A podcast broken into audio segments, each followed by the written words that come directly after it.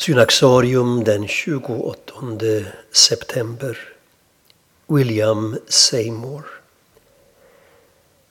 William Seymour, den moderna pingströrelsens fader, föddes av före detta slavar den 2 maj 1870 i utkanten av Centerville i Louisiana.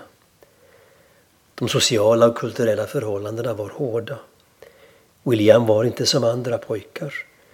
Han beskrevs som känslig och med en längtan efter Guds ord. Likt den unge Josef i Gamla testamentet hade han drömmar och han vågade dela med sig av dem. Först vid 21 års ålder, när pappan just hade dött, gav han sig iväg norrut till Memphis för att tjäna pengar åt familjen. Där arbetade han först som springpojke i en livsmedelsaffär, därefter som chaufför och slutligen som servitör. Efter två år flyttade han till St. Louis och ytterligare två år senare till Indianapolis.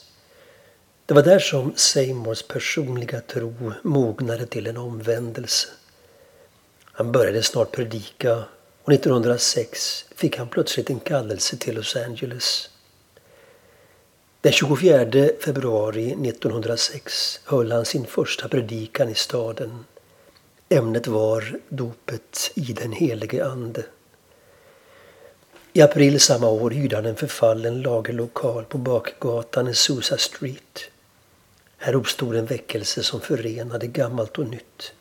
Tårar och tungotal, hänryckning och helighet präglade gudstjänsterna där inslaget av färgade amerikaner var påfallande. Den stora attraktionen på Azusa Street var tungotalet. Men ännu mer revolutionerande och i mångas ögon stötande var det sätt på vilket denna väckelse bröt ner barriärerna mellan människor med olika hudfärg och social bakgrund. I ett djupt segregerat samhälle uppvisade Azusa Street en ny mänsklighet där försoning och enhet rådde mellan människor. Under tre och ett halvt års tid hölls på Azusa Street tre gudstjänster om dagen, vecka efter vecka. In i lokalen trängdes 800 människor. Hundratals stod utanför och försökte se in genom dörrar och fönster. Redan inom sju månader hade väckelsen nått Sverige och en dryg månad senare Norge. Inom två år spreds Andens eld till 50 länder. William Seymour blev dock med tiden allt mer utstött från den rörelse han sett födas. Just för att han aldrig ville ge upp sin radikala enhetsvision.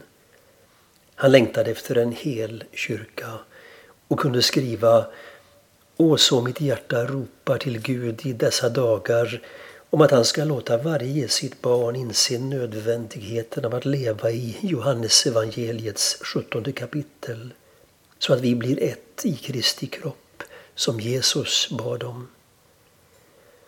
Men tiden var inte mogen för en så djärv vision. När Seymour dog vid 42 års ålder var han nästan helt bortglömd. Den medicinska orsaken var hjärtattack.